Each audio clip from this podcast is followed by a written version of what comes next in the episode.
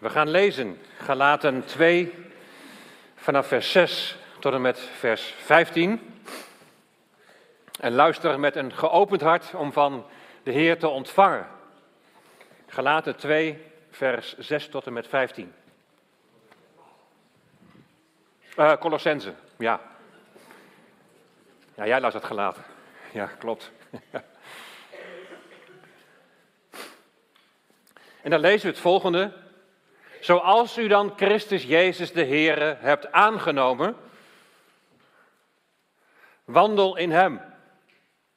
Geworteld en opgebouwd in Hem en bevestigd in het geloof, zoals u onderwezen bent, wees daarin overvloedig met dankzegging. Want in Hem woont heel de volheid van de Godheid lichamelijk. En u bent volmaakt geworden in Hem die het hoofd is van iedere overheid en macht. In Hem bent u ook besneden met een besnijdenis die niet met handen plaatsvindt, door het uittrekken van het lichaam van de zonden van het vlees, door de besnijdenis van Christus. U bent immers met Hem begraven in de doop, waarin u ook met Hem bent opgewekt door het geloof van de werking van God, die Hem uit de doden heeft opgewekt en hij heeft u, toen u dood was in de overtredingen en het onbesneden zijn van uw vlees, samen met hem levend gemaakt door u al uw overtredingen te vergeven. En het handschrift dat tegen ons getuigde uit te wissen. Dit handschrift was met zijn bepalingen tegen ons gericht. En hij heeft dat uit het midden weggenomen door het aan het kruis te nagelen. Hij heeft de overheden en machten ontwapend, die openlijk te schande gemaakt en daardoor over hen getriomfeerd. Tot zover de schriftlezing.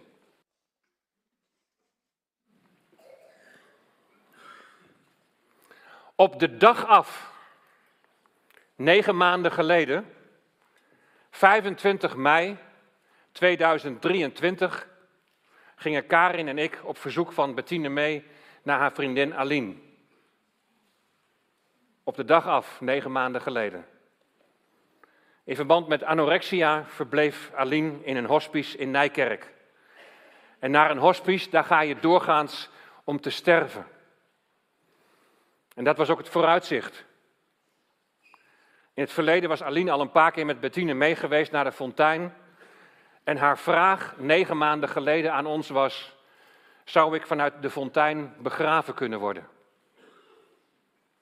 Als ik toen had gezegd, Aline, je zult niet vanuit de fontein worden begraven, maar je zult eerst in de fontein worden begraven, omdat jij precies over negen maanden jouw nieuwe geboorte zult bevestigen in de doop de onderdompeling, dan had je me waarschijnlijk voor gek verklaard.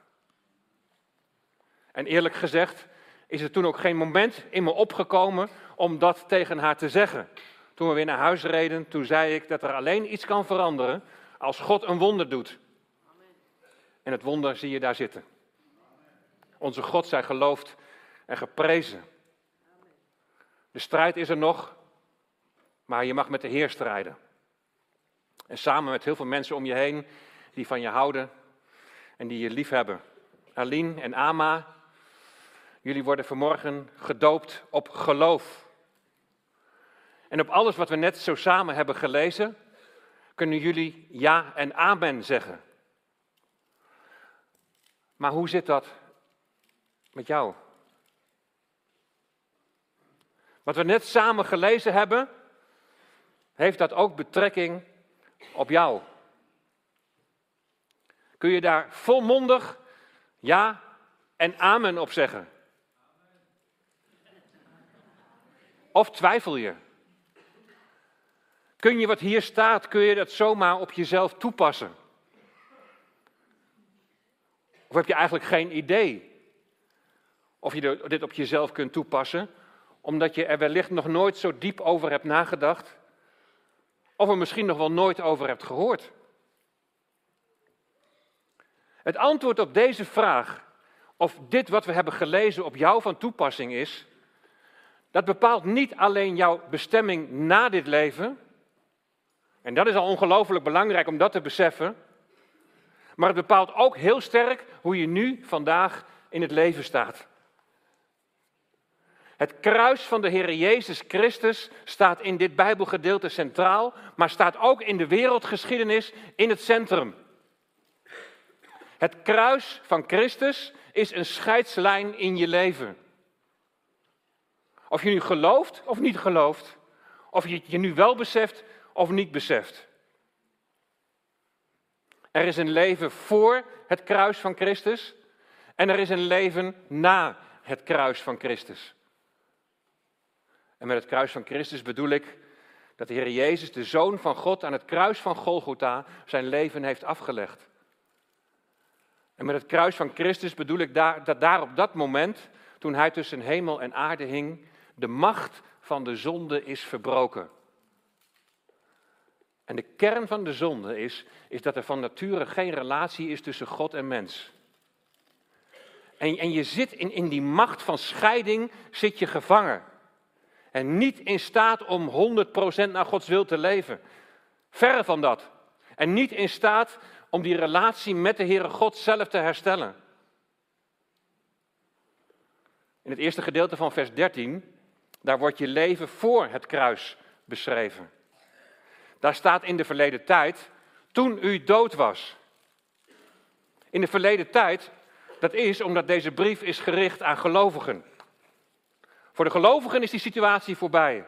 Maar als je niet gelooft in de Heer Jezus Christus, ben je nog dood. Dat klinkt nogal cru, hè, zo op het eerste gezicht. U bent dood. Maar dat is de kern van het woord zonde. Een verbroken relatie tussen God en mens. Met God ben je levend. Zonder Hem ben je in geestelijk opzicht dood. Of je vanuit Gods oogpunt, of je dood of levend bent, heeft te maken met de vraag waar je staat ten opzichte van het kruis. Voor het kruis of na het kruis. Of je vanuit Gods oogpunt dood of levend bent, dat heeft te maken met de vraag welke plaats de Heer Jezus Christus in jouw leven heeft. Hij is de weg, de waarheid en het leven. Maar zonder Hem is er geen leven. Zonder Hem is er geen relatie met God de Vader. Het volgende Bijbelvers is daar klip en klaar over. 1 Johannes 5, vers 12. Wie de zoon heeft, die heeft het leven. Wie de zoon van God niet heeft, heeft het leven niet. Wie de zoon niet heeft, wie niet in hem gelooft, is dood door ongehoorzaamheid.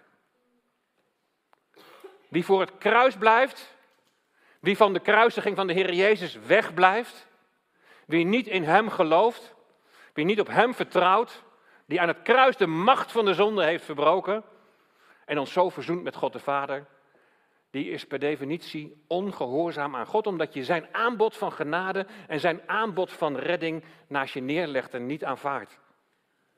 Niet aanvaarden is ongehoorzaamheid.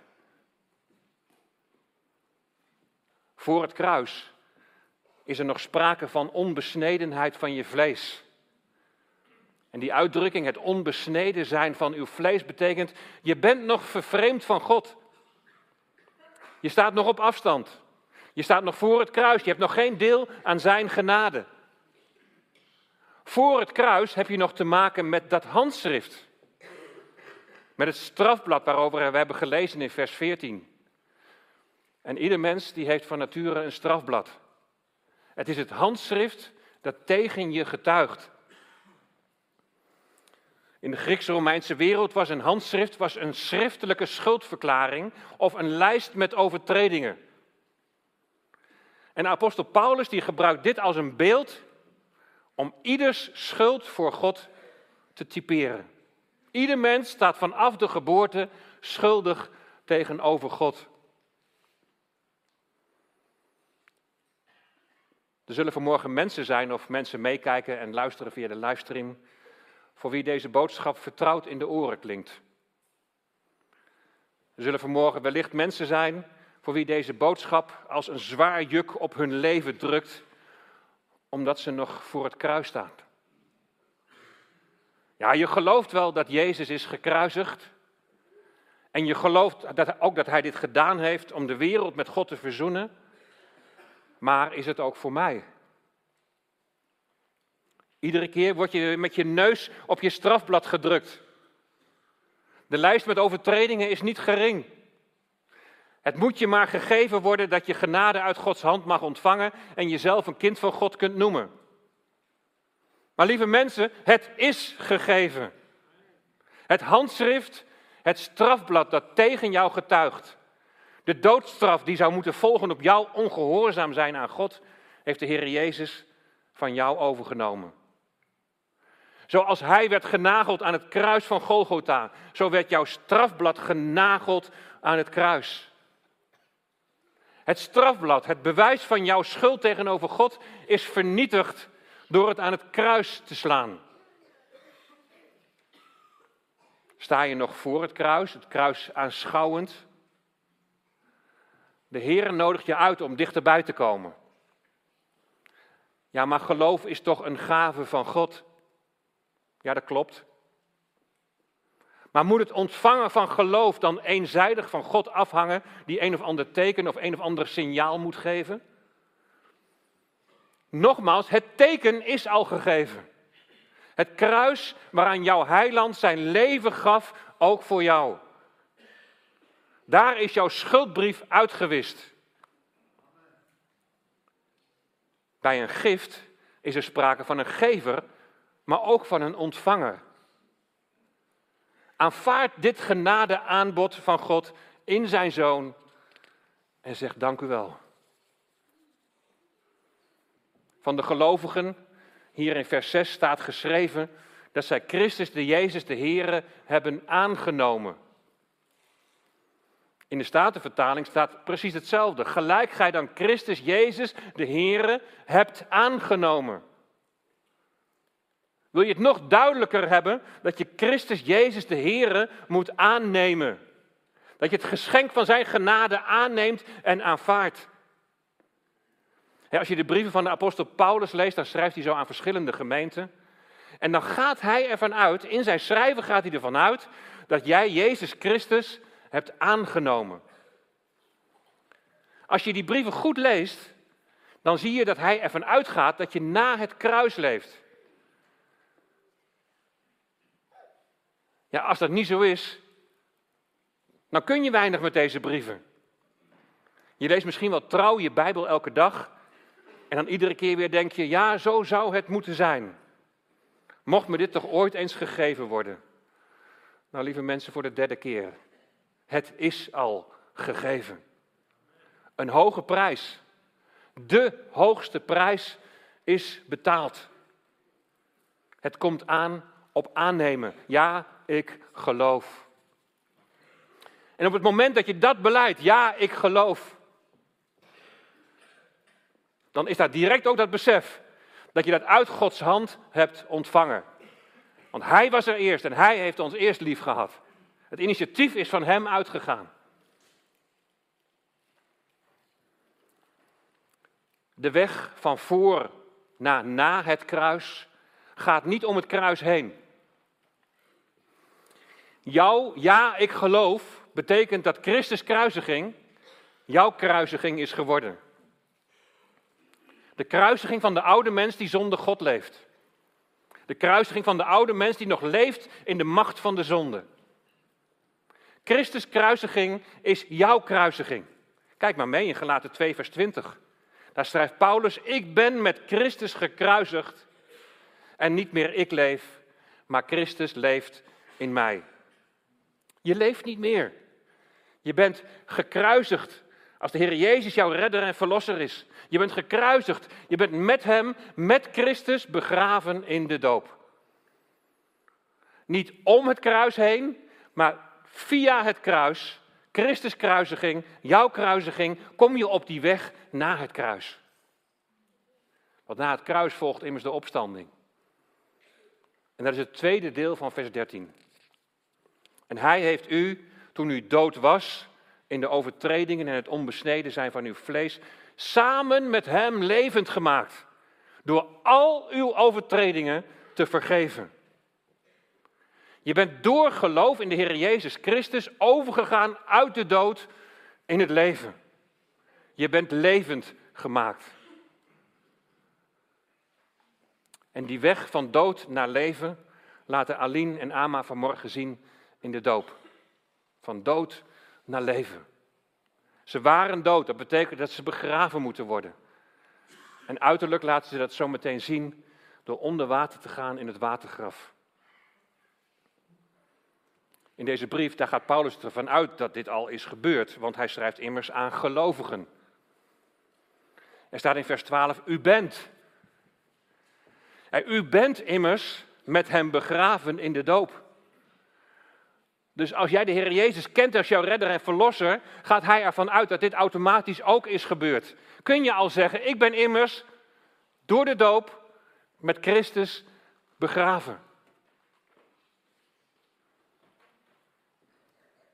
Aan die doop gaat iets vooraf, een besnijdenis van het hart. Het is een besnijdenis die Christus heeft uitgevoerd. Niet de uiterlijke besnijdenis, maar de innerlijke besnijdenis. En die besnijdenis betekent het uittrekken van het lichaam van de zonde van het vlees.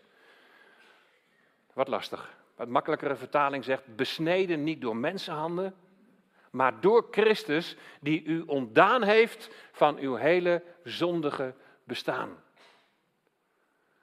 Dus wat wordt eruit getrokken?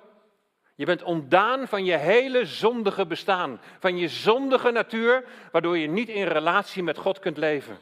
En die zondige natuur die wordt er, zeg maar als het ware, figuurlijk, door God uitgesneden. En door deze besnijdenis sterf je aan die oude mens die geen relatie met God heeft. En deze oude mens die sterft, die moet worden begraven. Ama en Aline die kunnen zo meteen zeggen, ik ben immers met hem begraven door de doop. En wat het vreugde is het dan om, om Colossense 2 te lezen. Niet alsof het over een ander gaat, maar je kunt er in één keer volledig op jezelf betrekken en volledig ja en amen hierop zeggen. Maar, en dan komen we bij die weg na het kruis, je bent niet alleen met Christus gestorven en begraven, je bent ook met hem levend gemaakt. Vers 12, u bent immers met hem begraven in de doop, waarin u ook met hem bent opgewekt.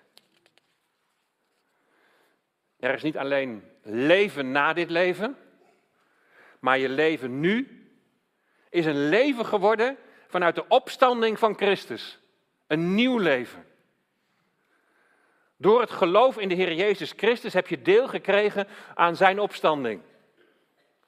Zoals zijn kruisiging jouw kruisiging is geworden, zo is ook zijn opstanding jouw opstanding geworden. De oude mens is teniet gedaan. In Christus ben je een nieuwe schepping geworden.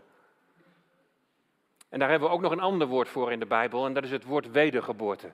Opnieuw geboren worden. Opstanding, wedergeboorte, nieuw leven, het hoort allemaal bij elkaar. En dat is wat de Heilige Geest in je werkt als jij je aan de Heer Jezus toevertrouwt. En die innerlijke transformatie van dood naar leven is geen verdienste. Het is genade, het is onverdiende gunst. In kruis en opstanding één geworden met de Heer Jezus Christus. En als je dit begrijpt, dan wordt het in Hem en met Hem, wat we verschillende keren hebben gelezen en wat ik in de tekst heb benadrukt, dat wordt dan ineens duidelijk. En wat dat betekent, heb je zo nodig in je wandel naar het kruis. En wat die eenwording betreft, wordt eerst het een zijn van vader en zoon beschreven. In vers 9 wordt eerst de relatie tussen vader en zoon beschreven. In hem, in Christus, woont heel de volheid van de Godheid lichamelijk. Het geeft de eenheid aan tussen vader en zoon. De volheid van God, God in zijn volledigheid, is in de zoon. God zelf kwam in het lichaam van Jezus tot mensen. Jezus Christus volledig God en volledig mens. En dan in vers 10 zie je wat, wat het voor jou betekent. Het een zijn met Christus. En u bent volmaakt geworden in Hem, in Christus, die het hoofd is van alle overheid en macht. De volheid van God, God in zijn volledigheid die in Christus is, is ook in iedere gelovige die in Christus is. Die door geloof één geworden is met Hem in zijn dood en opstanding. Volmaakt in Hem. Voorbij het kruis betekent opgestaan. Betekent opnieuw geboren. Volmaakt geworden in Hem. Ja, maar mijn levenswandel is verre van volmaakt. Ik zondig nog wel. Dat is waar. En als je zou zeggen dat het niet zo is, dan ben je een leugenaar volgens de Bijbel. Maar ik heb ook een ja maar. In Hem betekent wie je bent geworden in Hem. En het gaat om positie. Het gaat om hoe de Heere God naar jou kijkt als de Heere Jezus Christus jouw redder en jouw verlosser is. Want dan ziet God de Vader ziet jou aan in zijn Zoon. Volmaakt in Hem. En blijft die levenswandel dan altijd maar hetzelfde? Nee, zeker niet. Je kunt ook voorbij het kruis zijn en leven alsof je nog voor het kruis bent. Het gaat voortdurend over je overtredingen. Het handschrift wordt van het kruis gerukt en, en je voortdurend weer voorgehouden. Je blijft altijd een bedelaar, arm en naakt, wordt dan gezegd. Nou, zo komt er niet veel terecht van die nieuwe levenswandel. Je mist dan volledig de boodschap van in Hem. De schuldbrief drukt je te neer. Het gevolg is dat je niet in de vrijheid staat om God en je naaste te dienen. Of je gaat juist heel hard je best doen om alles zo goed mogelijk te doen. Een zo goed mogelijk leven te leiden, alles zo netjes mogelijk te doen. Maar keer op keer raak je gefrustreerd als het weer niet lukt. En in beide gevallen heb je het in Hem niet ten volle begrepen. Zoals u dan Christus Jezus de Heer hebt aangenomen, wandel in Hem. Wandel in de zekerheid dat je één geworden bent met Hem. Wandel in Hem betekent wandel in afhankelijkheid van de Heilige Geest die in je woont. Wandel in Hem, geworteld en opgebouwd in Hem. En je wandel naar het kruis, je wandel in geloof, is een kwestie van je geloof en vertrouwen in de Heer Jezus. Diep wortelen in de grond zoals een boom. En je wandel naar het kruis, je wandel in geloof, is een kwestie van opgebouwd worden zoals een bouwwerk. Wortelen en opgebouwd worden, hè, dat doe je niet alleen. Je bent niet meer alleen, want door het geloof in de Heer Jezus Christus heb je de Heilige Geest ontvangen. Ben je verzegeld met de Heilige Geest der belofte. En Gods Geest heeft je ook nog eens gevoegd in het lichaam van Christus, en dat is de gemeente van gelovigen. En we zijn aan elkaar zijn we gegeven om, om met elkaar op te trekken in die wandel naar het kruis. Je leest samen de Bijbel, je bidt samen. Je laat samen praktisch naar je medemens zien dat je van Christus bent door te helpen en door te bemoedigen. Na kruis en opstanding ga je een weg van levensheiliging. Het diepe verlangen om te veranderen naar het beeld van de Heer Jezus. Is die weg altijd gemakkelijk? Nee, zeker niet. Aline, die weet dat de strijd nog niet voorbij is, die heeft het volgende lied uitgekozen. Ook al gaat mijn weg door een diep dal van duisternis heen, uw liefde drijft de angst uit in mij. Ook al loop ik vast, overvallen door een hevige storm, ik keer niet om, want u bent nabij. En ik vrees geen gevaren meer. Met God steeds aan mijn zij. Voor wie zou ik nog vrezen? Hij is toch bij mij. Nooit meer, nooit meer alleen.